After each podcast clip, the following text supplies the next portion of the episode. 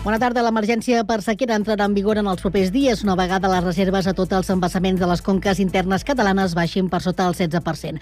Ara mateix es troben al 16,23%, fet pel qual es calcula que l'entrada en vigor en l'emergència 1 sigui sobre l'1 de febrer pel sistema Ter Llobregat, on s'inclou Sant Cugat. Llavors, tal com estava previst, el consum d'aigua estarà restringit a 200 litres per persona i dia. A l'espera d'aquest moment, la Generalitat ja ha aprovat un paquet de mesures que flexibilitzen algunes de les que estableix el Pla Especial de Sequera, amb la previsió que puguin estar en vigor d'aquí a 15 dies, quan es preveu que estigui operativa la fase d'emergència. Així, les piscines privades d'hotels i balnearis no es podran reomplir quan entri en vigor l'emergència al sistema Ter Llobregat, però es permetran les esportives amb algunes limitacions. És dimarts 16 de gener de 2024 i també és notícia que la CUP porta de nou una moció al ple municipal de febrer relacionada amb la gestió de l'habitatge amb l'objectiu de presentar mesures que cerquin que el seu preu no sigui tan elevat a Sant Cugat i que la ciutat disposi de més habitatge públic. En aquest sentit, aposten per garantir que el 30% dels immobles que es construeixen a les noves promocions privades es reservin per habitatge protegit i que sigui promosa i no la promotora qui gestioni aquests habitatges. Els Mossos d'Esquadra han confirmat per primer cop que els telèfons mòbils de dirigents independentistes van ser espiats amb el programari Pegasus. En concret, després d'analitzar físicament els aparells, han detectat intrusions amb el programa espia als mòbils de l'eurodiputada de Sant Cugat, Diana Riba, del diputat del Parlament Josep Maria Jové i de l'exdiputat Sergi Sabrià, tots d'Esquerra Republicana. La policia científica catalana ha entregat l'informe pericial al jutjat que investiga el cas, segons avançat el diari.es, i ha confirmat la cena. I en esports destaquem que el primer equip masculí del Club Rugby Sant Cugat ja coneix el calendari de la fase d'ascens a divisió d'honor màxima categoria estatal. Els Sant Cugatencs disputen una lligueta de nou equips a una sola volta i on els quatre primers classificats accedeixen a semifinals. El debut del Sant Cugatenc serà el cap de setmana del 27 i 28 de gener amb la visita del Màlaga a la Guinardera. Els Sant Cugatencs viatgen en el camp de l'Industriales, el Getxo, la Vila i el Bilbao. Per contra, els de Martín Garcia rebran el Liceo, la Vila, el Zarauz i Màlaga. El tècnic santcuatenc ha resultat que la Vila, amb qui ja s'han enfrontat a la Lliga regular, és l'equip a batre perquè està un pas per sobre que la resta. Res més per ara, la informació torna d'aquí una hora a la mateixa sintonia i constantment a internet a www.cugat.cat.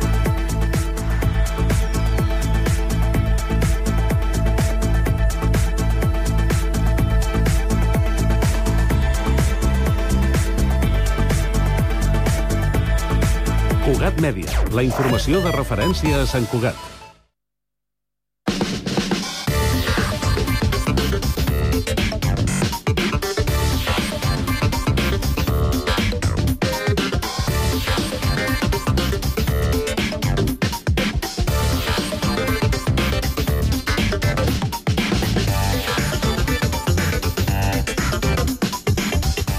De la tarda, 3 minuts, inici de la segona i última hora d'aquest Connectats de dimarts.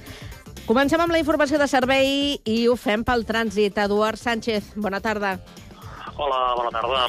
Doncs ara en aquest moment sobretot destacar les cues que s'estan generant a l'autopista AP7 per arribar a Vilafranca en sentit nord, en sentit Barcelona. Hi ha hagut una topada, en aquest punt queda un sol carrer obert fa ja una estoneta i d'aquí les aturades que van augmentant. De moment tenim uns 6 quilòmetres des d'abans ja de Santa Margarida als Monjos fins a Vilafranca. Com dèiem, en sentit nord és la principal incidència ara mateix, tot i que recordem a la B140 també hi ha hagut un accident aquest migdia a l'altura de Santa Perpètua. Aquesta via es manté tallada en els dos sentits de la marxa i també tallada a la sortida 17 de l'autopista P7 a Santa Perpètua, justament perquè enllaça amb aquesta B140. I d'altra banda també recordar que des d'ahir la nit que va cremar un camió que transportava cotxes a la Nacional 340, a l'altura de Tarragona. Ara el que s'està fent és acabar de netejar la via en aquest punt afectat on va cremar el camió i es manté, per tant, aquest tall a Tarragona, a la Nacional 340 i en els dos sentits de la marxa, on es fan desviaments senyalitzats. És tot. Bona tarda. Gràcies i bona tarda. Anem fins al Transmet per saber com està funcionant el transport públic. Àlex Cubells, bona tarda. Doncs avui dimarts seguim parlant de normalitat a la xarxa de transport públic de l'àrea metropolitana, on els principals operadors de transport no han informat de cap incidència i tot funciona segons els horaris planificats. Aprofitem per recordar que es manté tallada la línia R3 de Rodalies entre Parets i el Figaró i en aquest tram el servei es fa per carretera, on els horaris poden variar. I també que la R4 de Rodalies romandrà tallada entre Sant Vicenç de Calders i Vilafranca del Penedès fins fins al 16 d'agost, cada setmana, de dilluns a divendres, a les franges horàries de 8 del matí a 7 del vespre i de dos quarts de 10 a dos quarts d'11 de la nit. I ara sí, de moment això és tot des del Transmet. Us seguirem informant. Bon dia.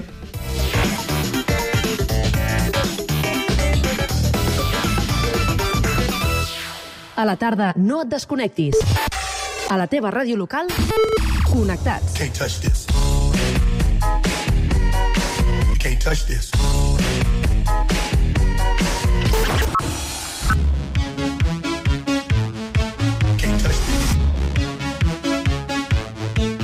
Touch this.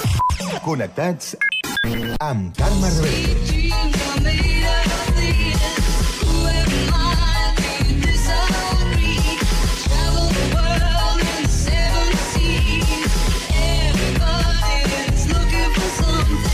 Connectats. Una experiència radiofònica a Sabadell, Terrassa, Sant Cugat, El Prat, Castellà i Badalona.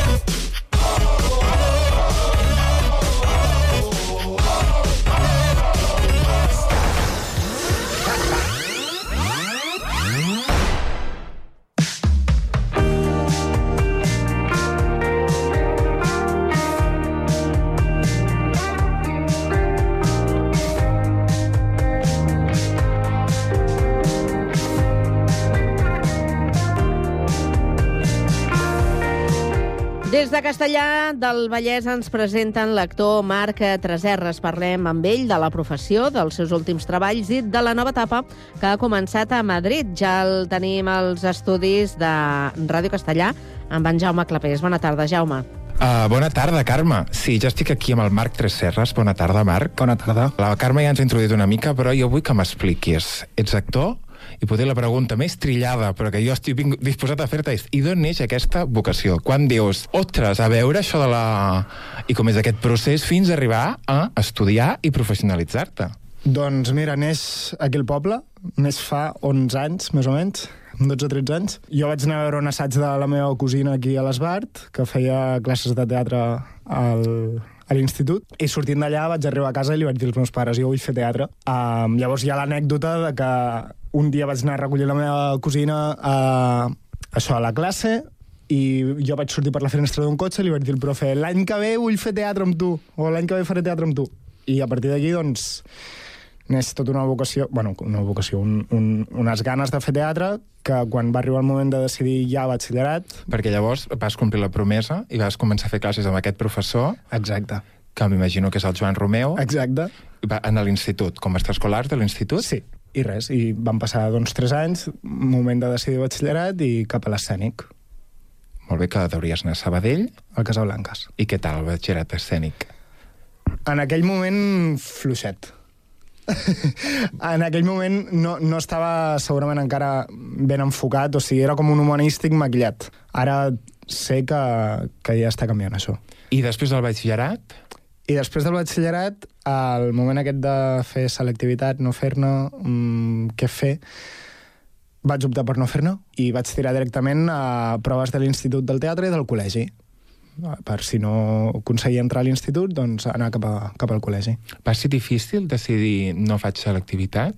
Diguem que jo tenia moltes opcions al cap. O sigui, tenia opcions B fins quasi l'últim moment. O sigui, jo tenia pensat, dic, bueno, doncs abans faig, jo què sé, història, ciències polítiques, eh, no sé si inclús traducció i interpretació en algun moment vaig arribar a pensar-ho, però va, va arribar un moment que vaig dir, amb el recolzament dels meus pares també a, a tope, i vaig dir, no, no, tiro cap aquí amb tot. I aquí estem. Perquè llavors vas presentar-te a les dues proves. Vaig presentar-me a les dues proves, vaig aprovar les dues, em van agafar a l'institut i vaig tirar per l'institut. Vaja, este, això és, és bastant excepcional. És, sí, sí. Perquè qu- quan, de quan és el grup de teatre de primer? En el moment que jo vaig entrar, per text eren 24. I es, i, i es presenten... Ara, doncs, 100... 100 i sempre, sempre 24, bueno, la rifa.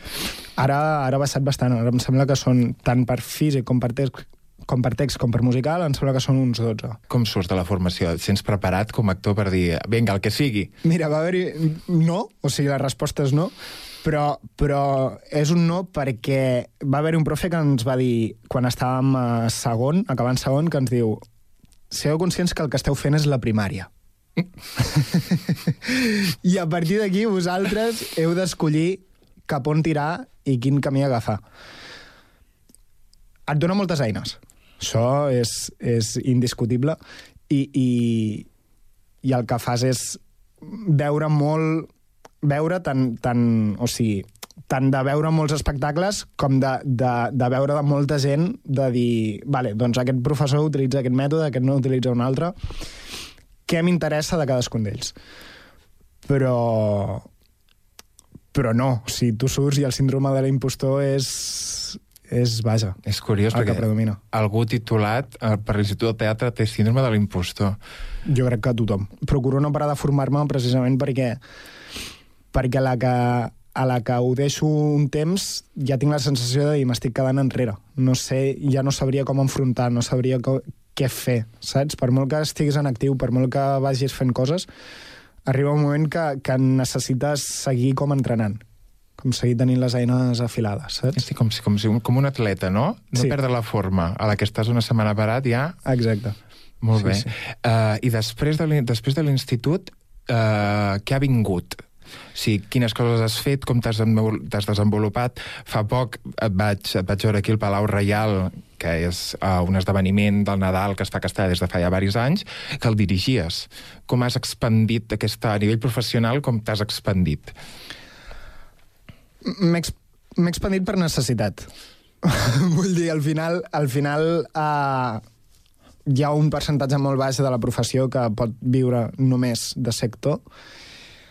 Uh, estem parlant d'un 4%, em sembla, un, entre Sí. un 4 i un 8%, diria, una cosa així.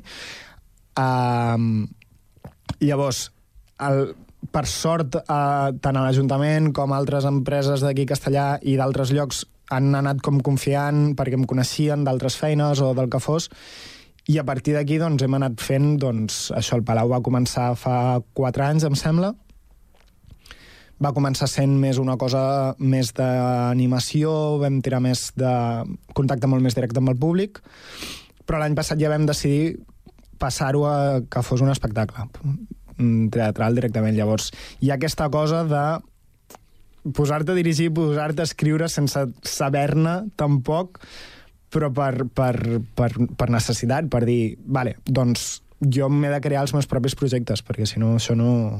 O sigui, és complicat, és complicat.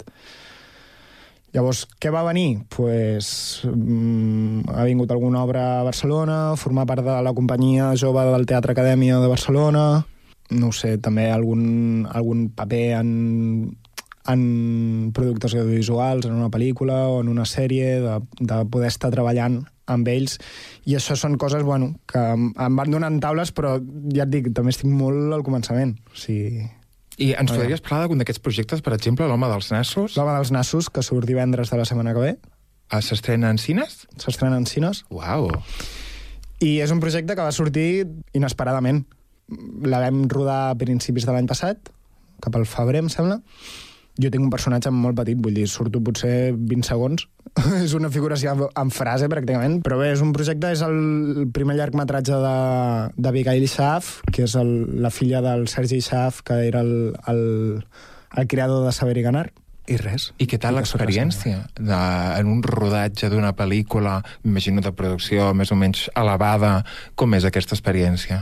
A més, tenint un paper, tenint un paper petit, a vegades és molt difícil arribar allà, eh, sentir-te una mica a gust, no? Mm, Conèixer, de sobte coneixes a tot l'equip, com és aquesta entrada en un rodatge. Clar, jo vaig arribar el primer dia amb tot, o sigui, és tot molt ràpid. Arribes el primer dia, vam fer un assaig de, de dues escenes amb els personatges que sortien en aquell moment, prova de vestuari aquell mateix dia, prova de maquillatge, prova de perruqueria, tot aquell mateix dia, i ja fins al dia de, del, del rodatge, que potser va passar doncs això, dues setmanes o, o tres, no ho sé.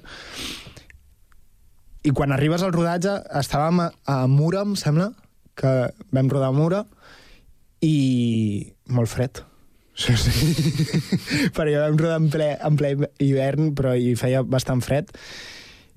I bé, maca, una experiència molt maca. Al final la gent t'acull molt bé. L'altre dia, bueno, fa un mes, em sembla, va- vam tenir l'oportunitat de, de poder-la veure hi havia tot l'equip en allà, llavors, es, bueno, tot part de l'equip en allà, i, i és xulo, és xulo, perquè arribes i per molt que fos un personatge petit, doncs potser també el ser una producció mm, no, no petita, eh? no, no vull dir petita, sinó que, que tot és molt el primer cop segurament de molta gent, tothom se'n recorda de tu i això és, és, és maco, saps? Et vas sentir collit. Sí, sí, sí, bé. i tant. I l'experiència de veure's en pantalla gran, És complicat, eh, veure't. és molt complicat veure't. Eh, De cop... Mm, de primeres treus tots els defectes, dius, això no... No. Però després intentes ser una mica més, no sé si dir-te objectiu o una mica més compassiu amb tu mateix i dir, bueno, la feina ja està feta, a partir d'aquí ja, aquí ja, ja no hi puc fer res. És el que té també... Clar, jo soc molt de teatre, jo estic molt acostumat al teatre, i el canvi és notable.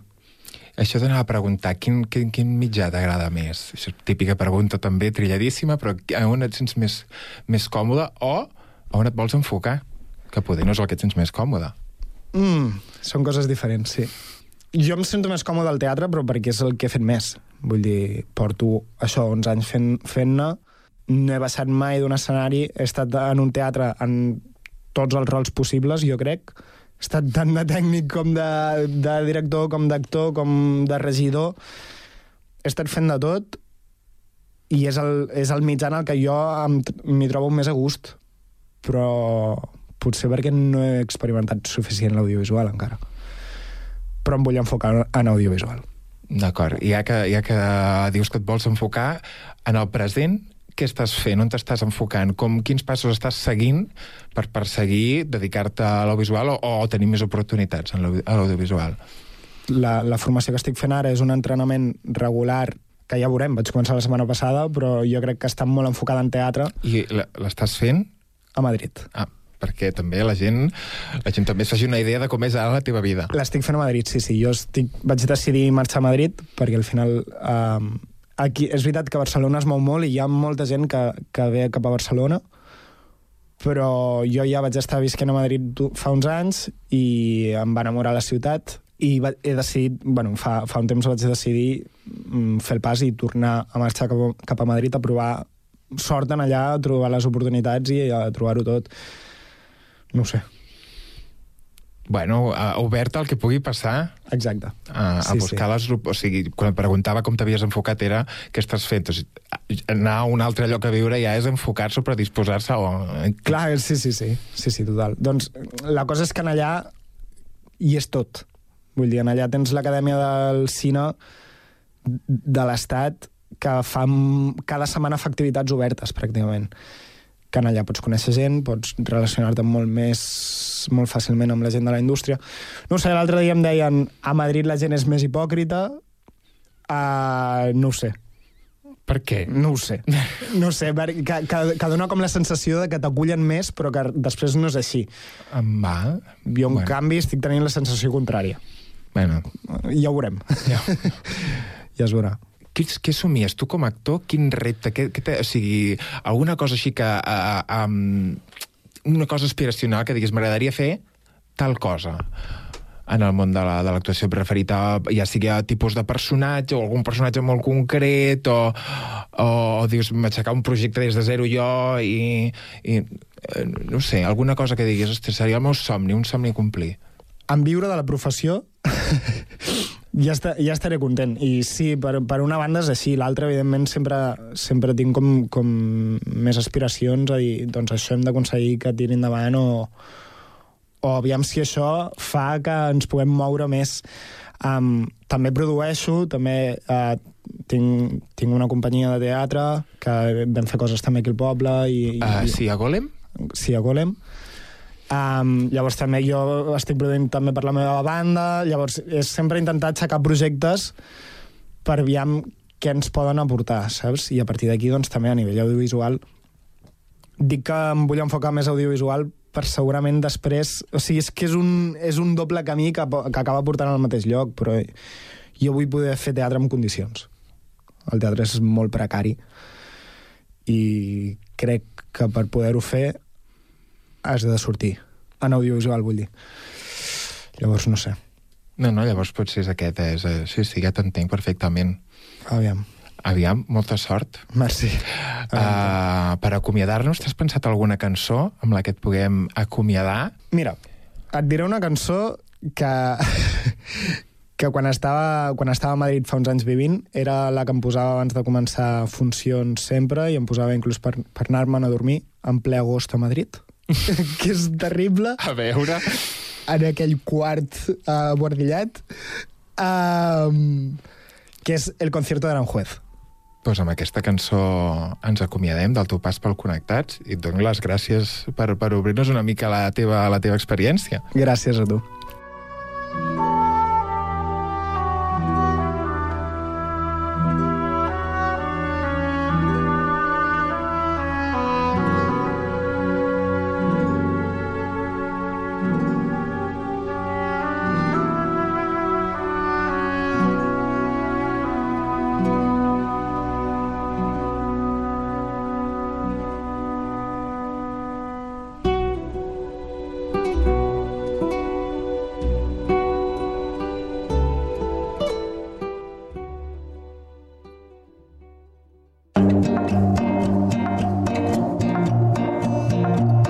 Bocabadats. Aquest podcast és una producció de Ràdio Sant Cugat. Velocitat de creuer, aquest clixé de reminiscències marineres refineix a la perfecció la destresa i el ritme que exhibeixen els alumnes del Servei Local de Català de Sant Cugat a l'hora de desgranar els diferents temes amb què nodreixen aquest podcast sobre llengua catalana.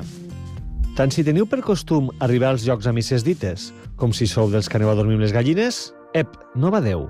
I no magueu el cap sota l'ala, que se us gira feina. S'ha acabat això de fer la viu-viu i anar tirant de la rifeta. Que per què? Doncs perquè aquí hem vingut a suar la cancel·lada i, si cal, traurem el Sant Cristo gros. Però tranquils, que sirgar, sirgarem nosaltres.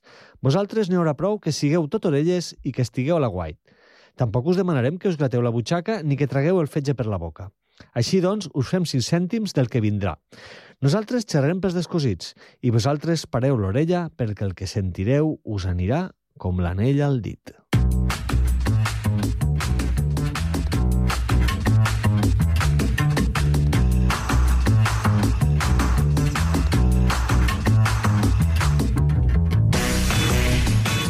Bon dia.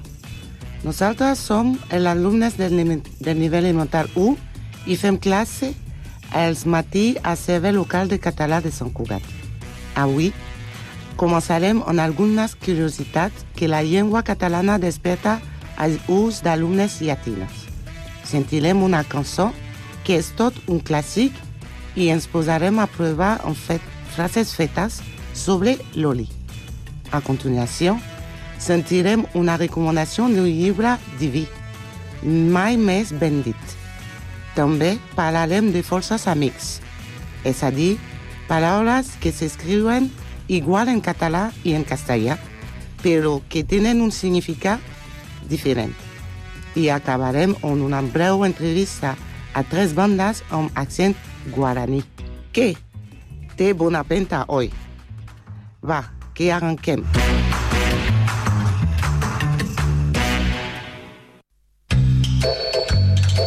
Sabies que...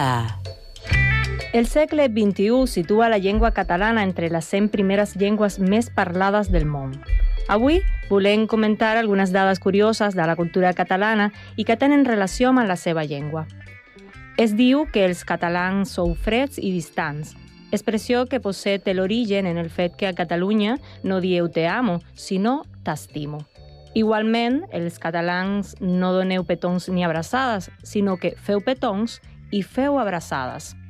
Per altra banda, la llengua catalana té una manera diferent de veure el temps, sempre mira cap endavant. Un exemple clar és l'hora.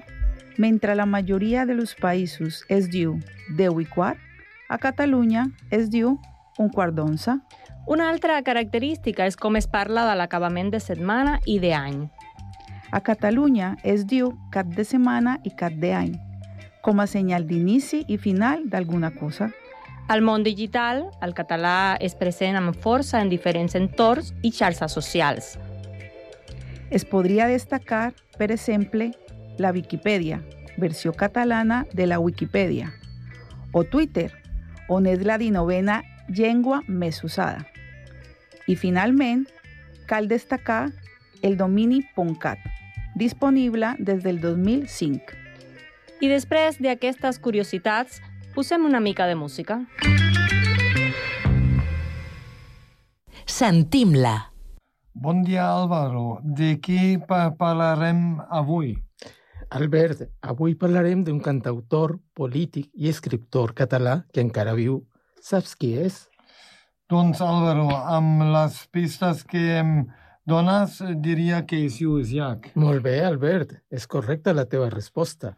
Tothom sap que Lluís Llach és un cantautor molt conegut per impulsar la nova cançó i normalitzar l'ús del català en el món de la música. Albert, no sé si coneixes aquestes cinc dades. Va néixer en una família franquista. La seva activitat musical li va costar alguna detenció a la presó i l'exili a França. Va ser l'últim dels negrans del grup dels 16 jutges. Els, als 22 anys era famós en la seva cançó L'Estaca, que s'ha convertit en tot un himno a la resistència. Pensava retirar-se a l'any 1979, però animat per un premi internacional, la seva carrera va continuar fins 2007, any que es va retirar. Molt interessant això que dius, Álvaro. No sabia aquesta informació. I tu coneixes eh, la seva cançó País Petit? Mm, no? De què tracta? País Petit és un dels èxits musicals de Lluís Llach. És, eh, és un autèntic cant d'amor a l'Empordà actualment i amb permís del músic eh, la gent l'ha fet extensiu a Catalunya. La cançó és, eh, cançó es va con, eh, compondre el, el 1980 i descriu el paisatge de, de l'Empordà, on va viure la seva infància.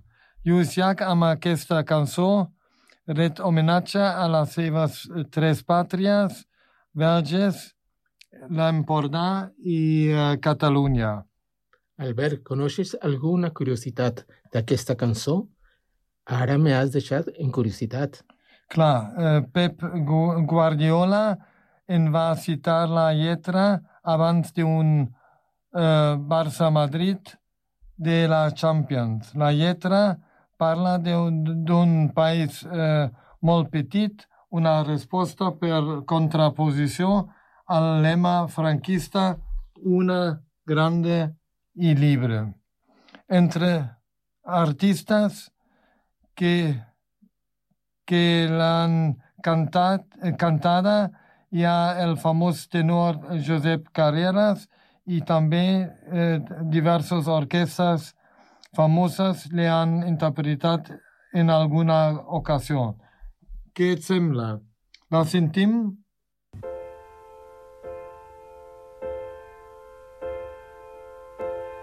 El meu país és tan petit que quan el sol se'n va a dormir mai no està prou segur d'haver-lo vist. Diuen les velles sàvies que és per això que torna Potser sí que exageren, tant se val, és així com m'agrada a mi. I no en sabria dir res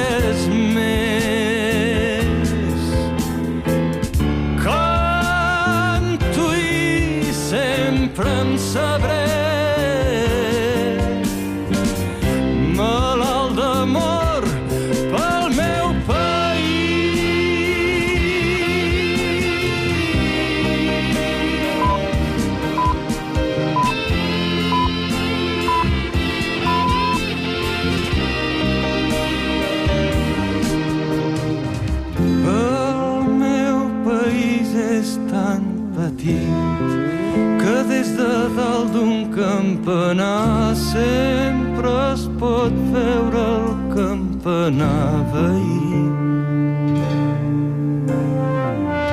Diuen que els poblets tenen por, tenen por de sentir-se sols, tenen por de ser massa grans, tant se val, és així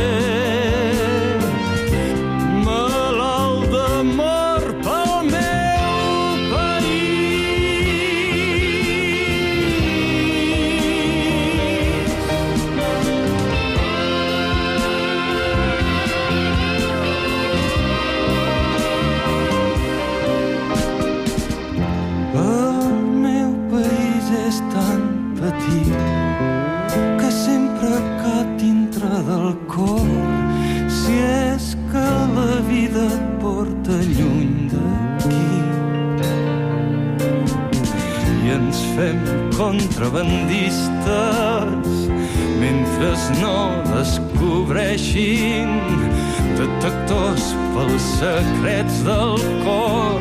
I és així és així com m'agrada mi. I no sabria dir res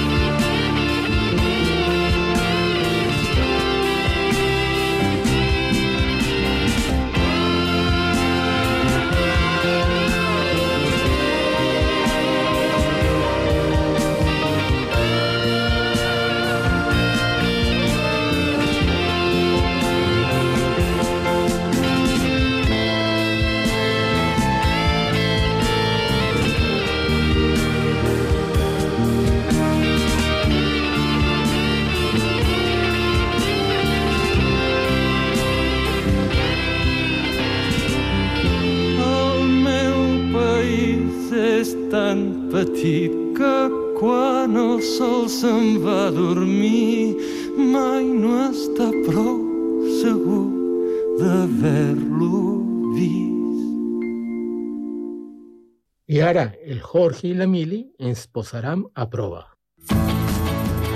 Posa't a prova.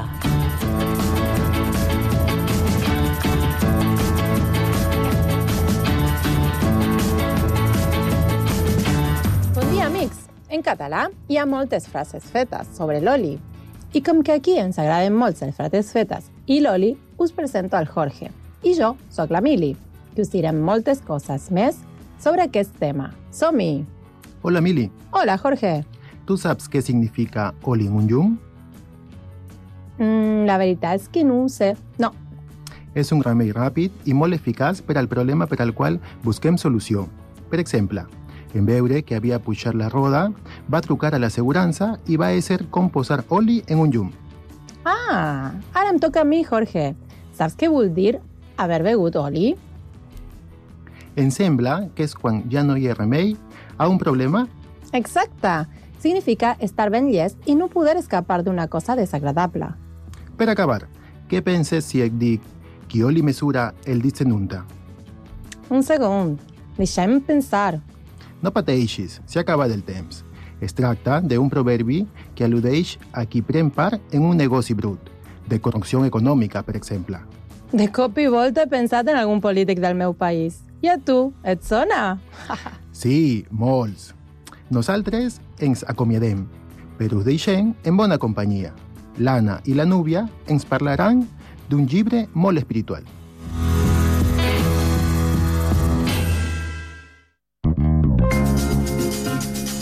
L'hora del lector.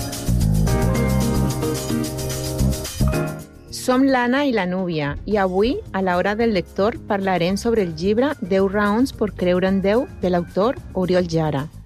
Qui és l'Oriol Jara? És nascut a Barcelona en 1980, casat i pare de quatre fills. Treballa des de fa 20 anys a la ràdio i a la televisió. Era sotsdirector de Buenafuente, després guionista de Polònia i Cracòvia. Ha dirigit el programa de reportatges El Roat d'Espanya per al canal Viacom i la sèrie de divulgació This is Philosophy i ara produeix La tarda de Catalunya Ràdio. És professor a la Universitat Ramon Llull. Per tant, com ho podem veure, ha treballat a primera línia del món de la comunicació. 10 raons per creure en Déu és un llibre concís i profund, en el que l'Oriol Jara ens ofereix el testimoni de la seva trobada amb Déu, en una recerca espiritual i de la fe, fermament ancorada en la raó. Jara intenta que la gent vegi que és bo parlar de Déu, que no hi ha res de què avergonyir-se, i és més, que creure en Déu és raonable. Són 10 capítols justificats que aborden la cerca de la veritat, l'amor, la ciència, viure a societat i cometre faltes. A les seves pàgines hi ha abundants referències a filòsofs i científics alhora que profunditza la reflexió sobre la Bíblia i constatant el que hi diu. Per què és important llegir aquest llibre? Perquè el mateix autor dia enfàticament creure en Déu, conèixer a Déu, buscar a Déu és una experiència tan reveladora i bonica que em sentiria culpable si no la compartís amb vosaltres. És per tot això que tant l'Anna com jo hem volgut que conegueu aquest llibre. Ara us deixem amb la Nicole i la Valèria.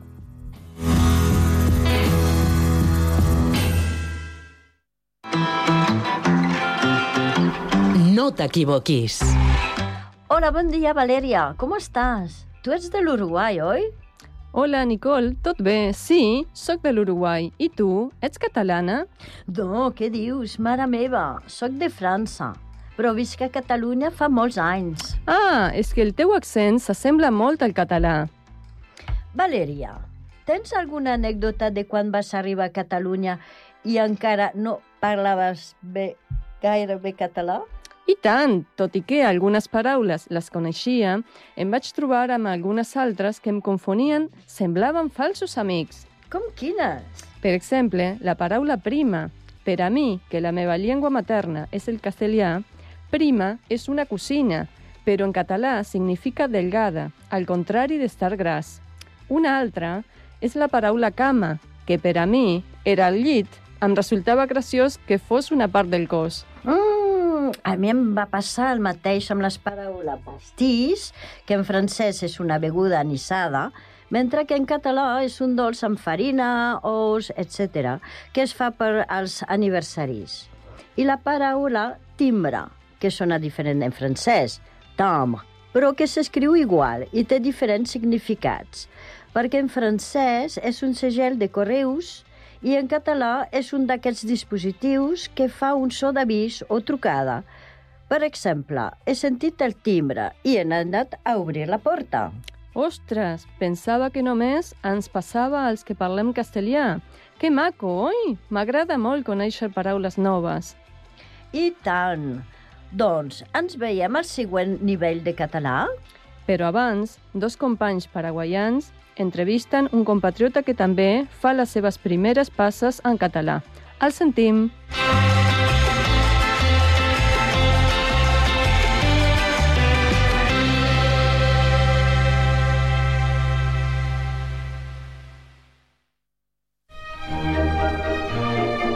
L'entrevista.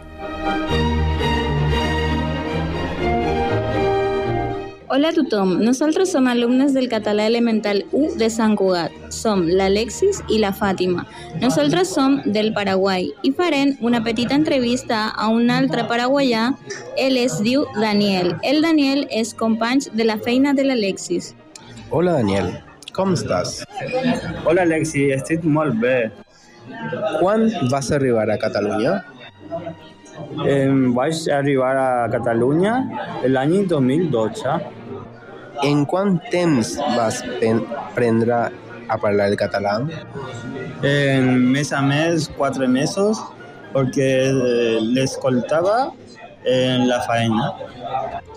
Vas fer algun curs? Pues no vaig a fer ningun curs, encara només eh, parlo una mica. Qui et va ajudar per quedar-te aquí? La meva mare. I eh, estàs content a Catalunya? Sí, molt content. Vaig a fer a la meva família, aquí. Bien, Daniel, eh, ¿vas a pensar a tornar al Paraguai? Pues encara no. Eh, més endavant pot ser que sí de vacances. Doncs moltes gràcies, Daniel, per el teu temps, per aquesta petita entrevista. De, de res. No, gràcies. Eh, de res a vosaltres.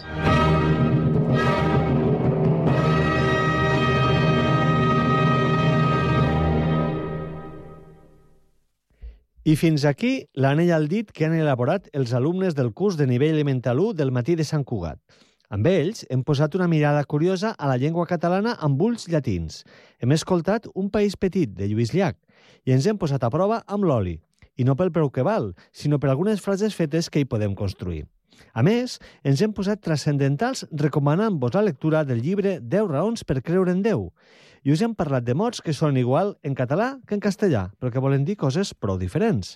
I el toc final l'han posat la Fàtima i l'Alexis, dos paraguaians que han entrevistat un compatriota que, com ells, també viu a Catalunya i parla en català. Clar que sí. I és que, a banda de la Fàtima i l'Alexis, en aquest podcast han intervingut per rigorós ordre d'aparició la Nick, de Costa d'Ivori, la Lisleimi, de Cuba, i la Lady, de Colòmbia, l'Àlvaro, també de Colòmbia, i l'Albert d'Alemanya, l'Emili de l'Argentina i el Jorge del Perú, l'Anna i la Núbia, colombianes totes dues, la Nicole de França i la Valèria de l'Uruguai. I finalment qui us parla? L'Albert, que ja veieu que estic refredat com una sopa, però ja ho sabeu, que el refredat el vi el combat, i és que li va com l'anell al dit.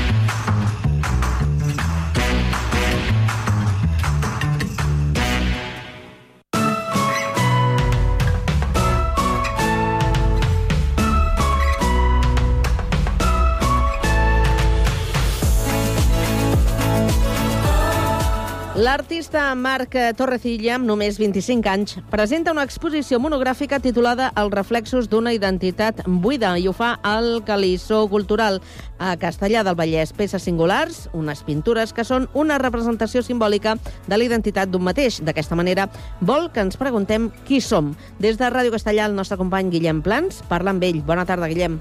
Bona tarda, Carme. Doncs avui tindrem una visió una mica més profunda de la inspiració, el procés creatiu i la visió artística del castellarenc Marc Torrecilla, de només 25 anys, que acaba d'inaugurar l'exposició Els reflexos d'una identitat buida al Calissó Cultural. Marc, molt bona tarda. Hola, molt bona tarda. Proporciona'ns una visió general d'aquesta exposició, Els reflexos d'una identitat buida. Sí, bé, aquesta, aquesta és una exposició doncs, que em van, em van donar aquesta oportunitat aquí a, a un bar cultural que es diu La Caissó.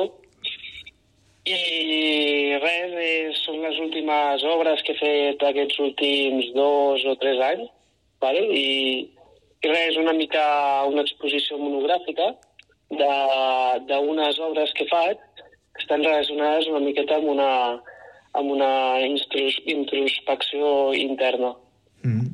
I sobre què reflexionen les obres? Sí, les, moltes de les obres, bueno, totes en veritat són com si fossin autorretrat. Inclús hi ha algunes, les, sobretot les primeres, que no, no surten persones, són xaquetes, però són una representació simbòlica de- d'aquesta identitat meva. Mm. I, i, i hi ha com tot un procés no, de, com de descobriment uh, cap a mi mateix. Les obres eh, expressen com et sents? Sí, molta... Sí, uh, algunes, sobretot les primeres, uh, hi, ha, hi ha molts elements que són uh, simbòlics uh, i està, estan bastant relacionats amb els meus sentiments. Sobretot les últimes sí que expresso no són, ja no són tan simbòliques i expressen més unes emocions més clares, no? Perquè ja, ja surto més, més jo, surt més la persona i, i totes, totes tenen un, un component d'emoció de, i després un altre component d'idea, de, de, de, de concepte. Posa'ns exemples concrets de com són aquestes obres, perquè ens les puguem imaginar. Mm -hmm. Sí, mira, per exemple, la primera de les que vaig fer és un mirall. Aleshores, és un mirall que davant doncs, surt una xaqueta que està, està buida. Aleshores, el que reflexa uh, el mirall uh, podria ser qualsevol persona. Podria ser... és, és, és el propi espectador que, que a l'observar l'obra es converteix en, en el reflexe que, que mostra el propi quadre. Aleshores, és, eh, el que proposa és intentar que cadascú doncs, eh, pugui eh, agafar aquests elements i fer-se els seus. Per exemple, hi ha un dels elements en, en aquest quadre és que hi ha, hi ha una esperma. Eh, aleshores, a la, a la part real hi ha, hi ha, hi ha una esperma que està, està apagada i després en el mirall es reflexa aquesta esperma que està està encesa. Aleshores, per mi, aquesta representació eh, representa les, les il·lusions. Val? Representen les il·lusions que, que molts cops en aquesta vida doncs, no, no s'ajusten a, a la realitat. Però cadascú doncs, aquesta, aquesta representació la pot interpretar com, com ell vol. Mm.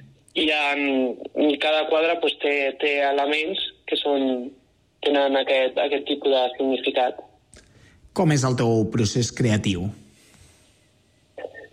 El procés creatiu uh, ve, sobretot, uh, mai, mai espero que hi hagi un moment d'inspiració. L'inspiració la trec a través de, del treball.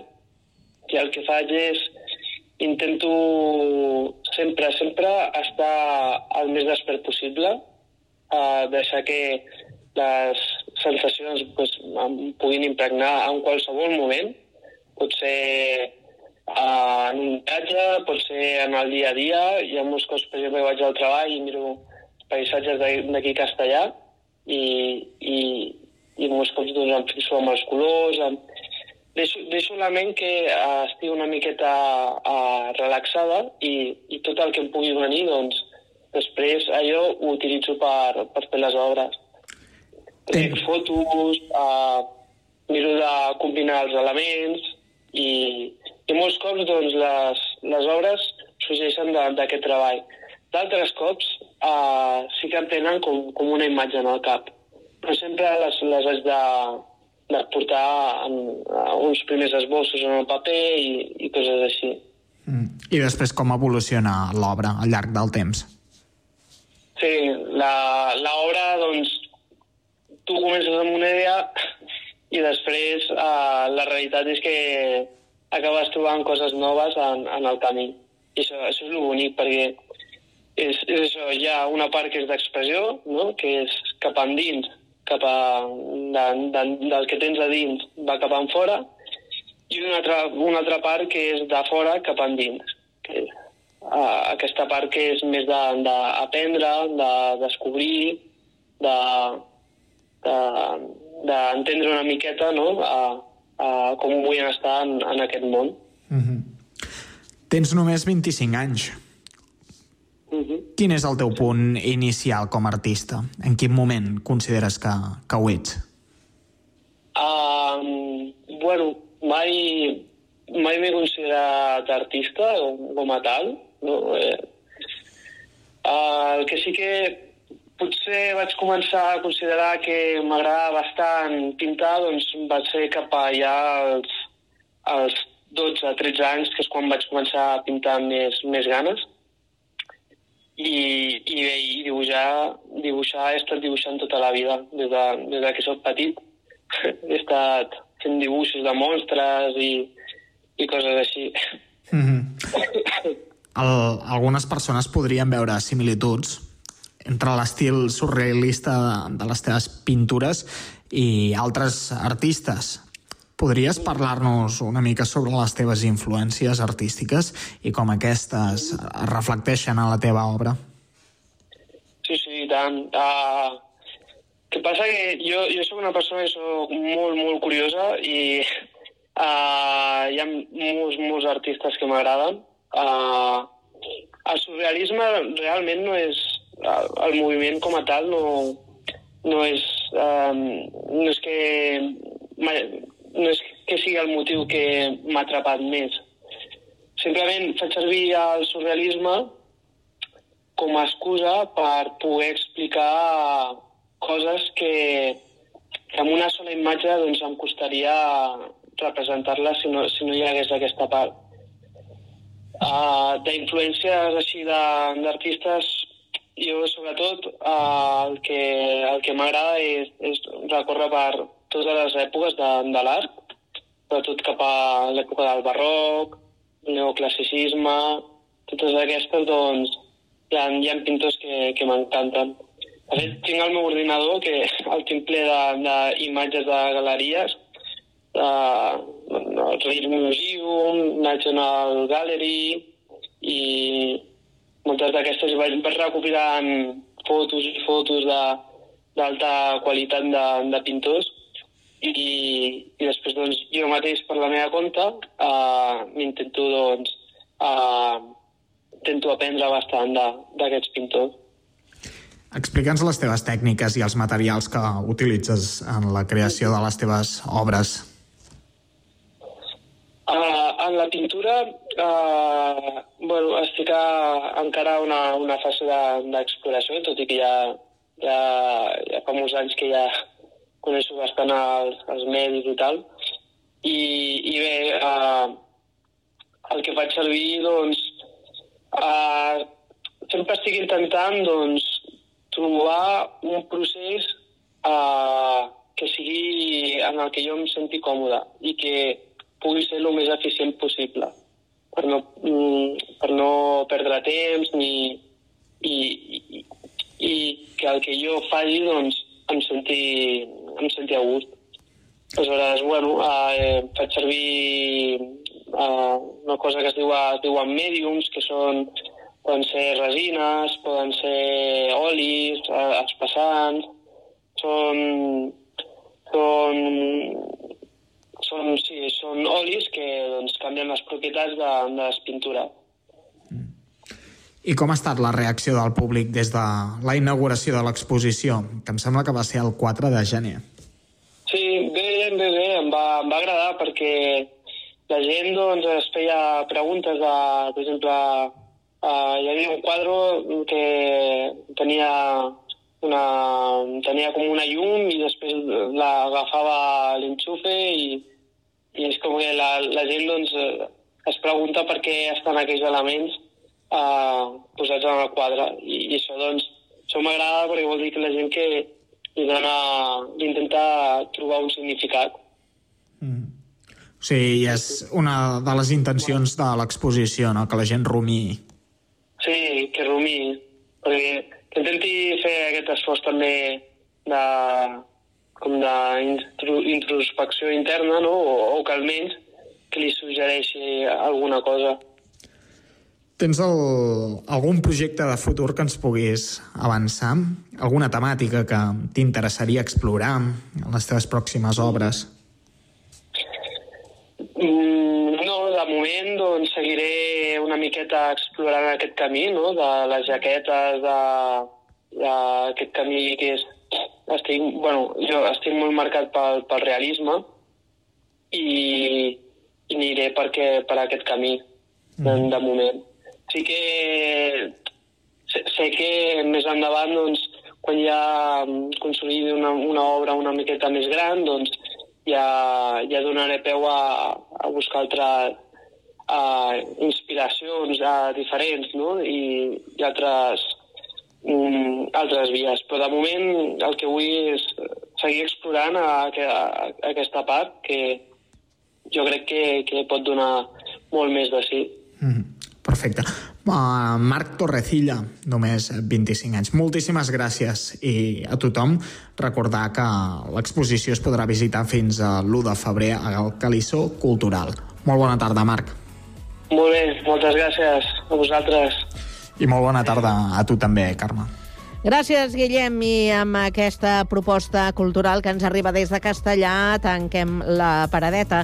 Acabem aquí aquest Connectats de dimarts i us emplacem a la versió de dimecres. Com sempre, arribarà puntual a la cita a partir de les 4 i 3 minuts. Fins aleshores, acabeu de passar molt bona tarda.